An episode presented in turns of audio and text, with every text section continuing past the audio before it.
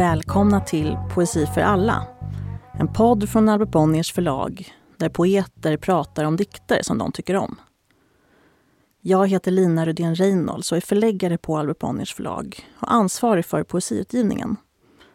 Idag har jag med mig poeten Judith Kiros. Judith Kiros är född 1989 och debuterade förra året med poesiboken O som fick mycket uppmärksamhet och fin kritik. Men redan före boken så var Judith en skribent i offentligheten. Hon är även verksam som kritiker, ledarskribent och fritidsledare samt som litteraturredaktör på medieplattformen Kontext. 2013 blev hon mycket uppmärksammad då hon tillsammans med bland annat Valerie Kyne Backström startade Sidan Rummet, ett antirasistiskt separatistiskt rum för rasifierade att föra samtal i. Sedan våren 2020 doktorerar hon också i engelsk litteratur vid Karlstads universitet. Kiros har sedan tidigare en master i litterär gestaltning från Valand och har även ingått i skrivkollektivet Censur. Men tillbaka till poesin. Debutboken O blir nominerad till både Borås Tidnings debutantpris, Katapultpriset och Sveriges Radios lyrikpris. O är en hybrid av poesi och essä som tar sin utgångspunkt i Shakespeares pjäs Othello. Läsningar av pjäsen varvas med rytmisk dikt och längre prosapassager. Alla delar förhåller sig till detta O, en både öppen och stängd form. Boken skriver in sig i klassiska texter och utvidgas till att kretsa kring svarthet och kön i Sverige idag. I Borås Tidning recenserade Naima Shabun så här. Trots att det finns mycket att gilla i enskildheterna är den halsbrytande helheten som gör den här boken unik och unikt läsvärd. Kiros dikt är omväxlande stämningsfullt förtätad, analytiskt klarsynt, nonchalant vitsig och spjuveraktigt fräck. I DNs recension står det helt enkelt Det är lysande poesi. Hej Judith! Hej! Tack för att du vill komma hit och vara med i Poesi för alla. Ja, tack för att jag får vara med. Eh, vilken dikt har du valt att prata om idag? Jag har valt eh, dikten Under månen från diktsamlingen Under månen av Hanna Reis-Lara. Just det, som just har kommit ut. Eh, Hanna Reis-Lara är född 1991. Hon bor i Stockholm och arbetar på Judiska församlingen här med kulturprogram för unga. Eh, 2018 debuterade hon med diktsamlingen Armarna som hyllades av kritikerna och nominerades till Borås Tidnings debutantpris. Förra året gav hon ut en chapbook med namnet Baby och nu har hon just kommit med sin första bok på Albert Bonniers förlag som alltså heter Under månen. Hanna Reislara framstår på många sätt som en av förnyarna av den svenska samtida poesin. Under månen består av enskilda starka dikter med olika tematiska ingångar. Med kraft och rytm skriver hon om kärlek, förlust, familjen och det judiska arvet, antisemitism och missbruk. Dikterna är personligt direkta, ofta rimmade och poetiskt talspråkliga. Ska vi börja med att du läser dikten, Judith? Mm. Um, nu är ju Hanna uh, själv väldigt bra på att läsa dikt uh, och jag är inte alls lika bra på det. Men uh, jag ska göra mitt bästa. Under månen. De ser på den och känner sig nära varandra. De som tror att månen alltid är samma. De som tror att månen är samma känner sig närmre varandra. När vi var små var månen helt säkert en annan. När du var i livet och vi var tillsammans. När du levde och vi var tillsammans var månen helt säkert en annan. Ibland har det känts som om månen ska ramla. Som något sjukt måste hända och få dig att stanna. Som något sjukt kunde ha fått dig att stanna. Något sjukt som om månen ramla. Om det som hände under månen fick under månen stanna. Om du fick stanna under månen var vi nära varandra. Om du var kvar under månen och månen var samma. Om det som hände under månen stanna. Tack Judith. Ingenting att oroa dig för. Jättefin läsning. Varsågod, Hanna Reislar. en cover. Men varför har du valt just den här dikten ur diktsamlingen Under månen? Um, jag har ju läst uh, Hannas dikter ett tag nu. Um, tyckte Armarna var en fantastisk diktsamling och um, Under månen eh, tilltalar mig så mycket för att den liksom tror att det handlar om eh, tonen. Um, den liksom på, på ytan ganska enkla formen och komplexiteten som döljer sig i det. Um, det är en dikt som arbetar på väldigt många olika nivåer samtidigt utan att för den sakens skull framhäva sig själv. Mm, det var intressant uttryckt. Ja, för när man läser den först så kan man tänka att så här, oj, det är nästan samma rad hela tiden. Mm. Det är det ju förstås inte alls. Eh, men det finns någonting liksom intressant med det sättet att jobba på. Och för lyssnarna då så kan vi säga att det här är ju en dikt eh, som är indelad i fyra strofer och varje strof har fyra rader. Mm. Och sen är den ju rimmad, höll jag på att säga. Sen är frågan, är den rimmad? Alltså om man tar den första strofen, då står det De ser på den och känner sig nära varandra. De som tror att månen alltid är samma. De som tror att månen är samma känner sig närmare varandra. Egentligen är det alltså samma ord som rimmas mm. på sig självt. Det är sånt här ABBA-rim kallar man det för. Att den första raden rimmar på den sista och sen de två mellersta på varandra. Mm. Um, men så att jag tänker på det som en rimmad dikt, men det är inte riktigt så uh, som den arbetar egentligen. Nej, det är en dikt som jobbar med upprepning och um, små justeringar och skiftningar. Och det tänker jag också har så, har så mycket att göra med innehållet såklart. Um, de som tror att månen alltid är samma, de som tror att månen är samma. Um, och sen så upprepar man sig och upprepar sig. Och så märker man att raden förändras under tiden, precis som månen. Och precis som relationen mellan duet och jaget. Just det. För den är ju upprepande men det är hela tiden en framåtrörelse. Den liksom utvidgas på något sätt. Mm. Den står ju inte och stampar överhuvudtaget. Nej. Um, det är sant. Det är väldigt spännande med en dikt som eh, ser så statisk ut men i själva verket har eh, väldigt mycket rörelse i sig. Ja. Um, och det tänker jag är ett så det, så jobbar ju Hannas dikter ganska ofta. Ehm, nu ska vi inte prata om dem utan om den här, men att det på ytan kanske ser ut som att det inte händer så mycket och i själva verket så rör den sig nästan i halsbrytande fart. Eh, och det ser man också i språket, att det är ganska enkla, korta ord eh, som upprepas.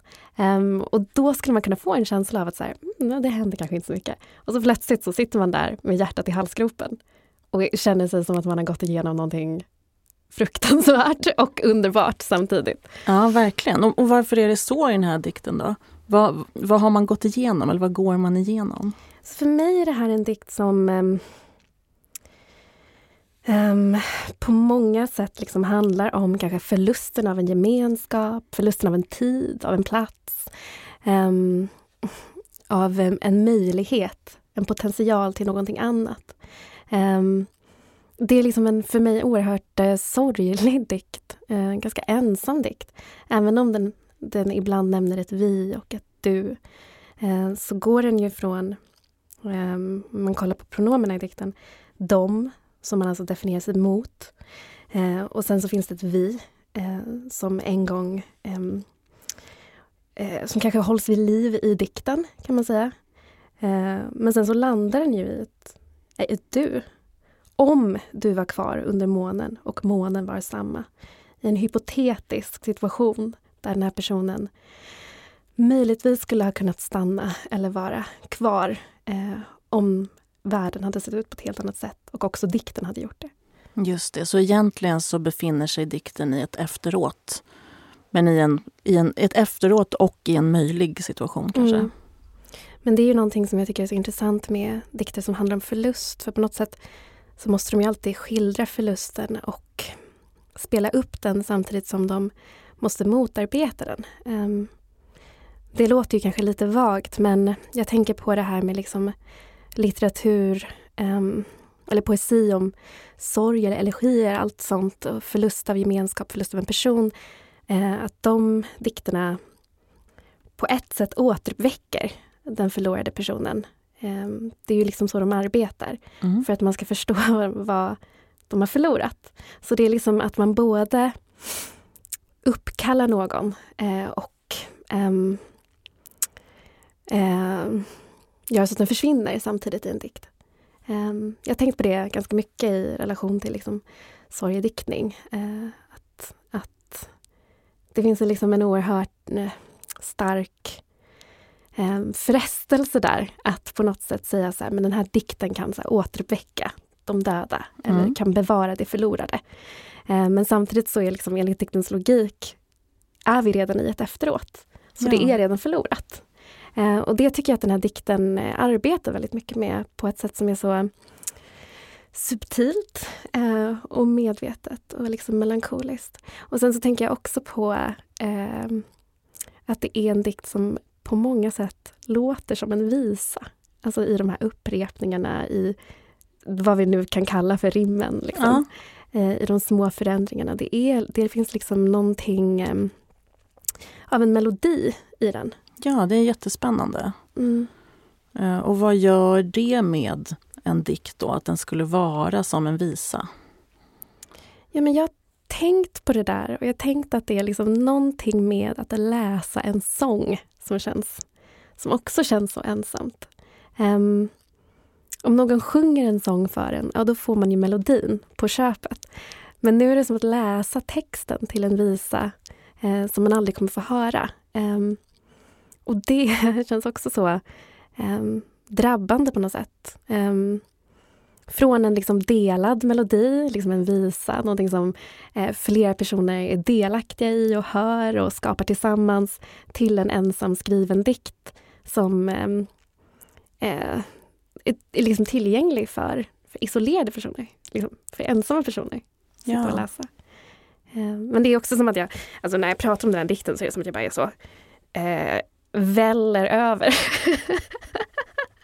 ja, men du gillar den helt enkelt? ja, jo men jag gillar den så mycket också för att den är så långt från någonting jag skulle kunna skriva. Ja, men lite som när man tittar på kanske um, jag vet inte, kanske någon, någon tv-serie och så är man så, jag skulle aldrig kunna Okej, okay, du vet vilken tv-serie jag tänker på. Den kinesiska fantasiserien Untamed.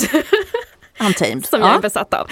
Ja. Men, men man tittar på någonting och så tänker man så, det här skulle jag liksom aldrig kunna göra. Det kommer från en helt annanstans ifrån. Ja. Eh, jag tänker inte på det här sättet. Och det blir så spännande att då liksom överraskas av någonting. Just det, det känns eh. också som en jätteviktig 80 poäng tycker jag. Alltså att det går. Ja. Eh, om, man, om man ser det liksom i ett större sammanhang så är det något oerhört vackert i det. Jag tror att det är det. Man pratar ju ofta om liksom att, litteraturen eh, på något sätt um, liksom värdet i litteraturen är på något sätt att man ska kunna um, förflyttas eller liksom um, bli en del av någon annans erfarenheter och så. Men jag tänker ändå att det, att det inte riktigt det, det man menar, utan det man menar med litteraturens värde, det kanske handlar mer om att man kommer i kontakt med en annan språkvärld. Um, ett annat sinne. Uh, och i det också få syn på saker um, på sitt eget språk. Ja, um, saker som man kanske inte heller visste att man kände igen. Om det inte är alltför kryptiskt uttryckt. Ja, precis. Ja. Um, Ja, precis så. Um, och det tänker jag är uh, någonting som händer mig väldigt ofta när jag läser Hannas dikter. Att det är um, som ett språk och ett temperament som skiljer sig väldigt mycket från mitt eget men som gör att jag får en annan ingång i mig själv och i texterna jag läser. Ja, Jättefint. Och om vi går tillbaka då till, till liksom den här enskilda dikten. Vad tänker du om uttrycket eller begreppet under månen just? Det är ju titeln på dikten och även på diktsamlingen. Liksom, vad betyder det? När jag, när jag läser Under månen så gör jag genast eh, en jämförelse med att det inte är under solen förstås. Det är liksom det, det enklaste man först kan komma fram till. Hur, hur tänker du? Mm. Nej, men jag tänker att eh, det är intressant med just bilden av månen i den här dikten för att det handlar om eh, de som tror att månen alltid är samma. Men månen är ju känd för att gå igenom faser. Så månen förändras ju hela tiden. Samtidigt som den inte gör det, eftersom att vi ju vet att det är delarna av månen som är upplysta som vi ser. Eh, så det känns som att även den bilden av månen som någonting föränderligt som ändå är statiskt ja, ehm, mm. speglar själva dikten och hur dikten arbetar också. Just det. Så tänker jag också att det här melankoliska Eh, det är lätt att tänka sig att detta befinner sig liksom i ett månsken och inte i ett solsken då till exempel. Inte i det här självklara, lysande, utan i något som är mycket mer dunkelt. Men det finns ändå, det syns ändå. Det är bara inte just där. Det är inte det allra enklaste. Jag tänker också på månljus på något sätt som eh, månljus och mörker och skuggor som ett sätt att uttrycka frihet och potential och osäkerhet. Eh, det är liksom inte det här klara, upplysta, skarpa ljuset där allting blir tydligt eller framstår eh, i sina konturer utan det är någonting som tillåter um, det tillåter även osäkerhet, tror jag. Um, tvekan och kanske oklarhet och um, en upplösning av, uh, av konturer. Judith Kiros, tack så mycket för att du vill vara med i Poesi för alla och prata om dikten Under månen av Hanna Reis Lara. Eh, tack till er som har lyssnat. Vi avslutar med att få höra dikten en gång till. Under månen de ser på den och känner sig nära varandra. De som tror att månen alltid är samma. De som tror att månen är samma känner sig närmre varandra. När vi var små var månen helt säkert en annan. När du var i livet och vi var tillsammans. När du levde och vi var tillsammans var månen helt säkert en annan.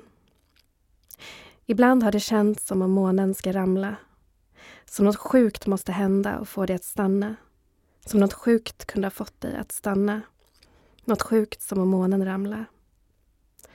Om det som hände under månen fick under månen stanna. Om du fick stanna under månen var vi nära varandra. Om du var kvar under månen och månen var samma. Om det som hände under månen stanna.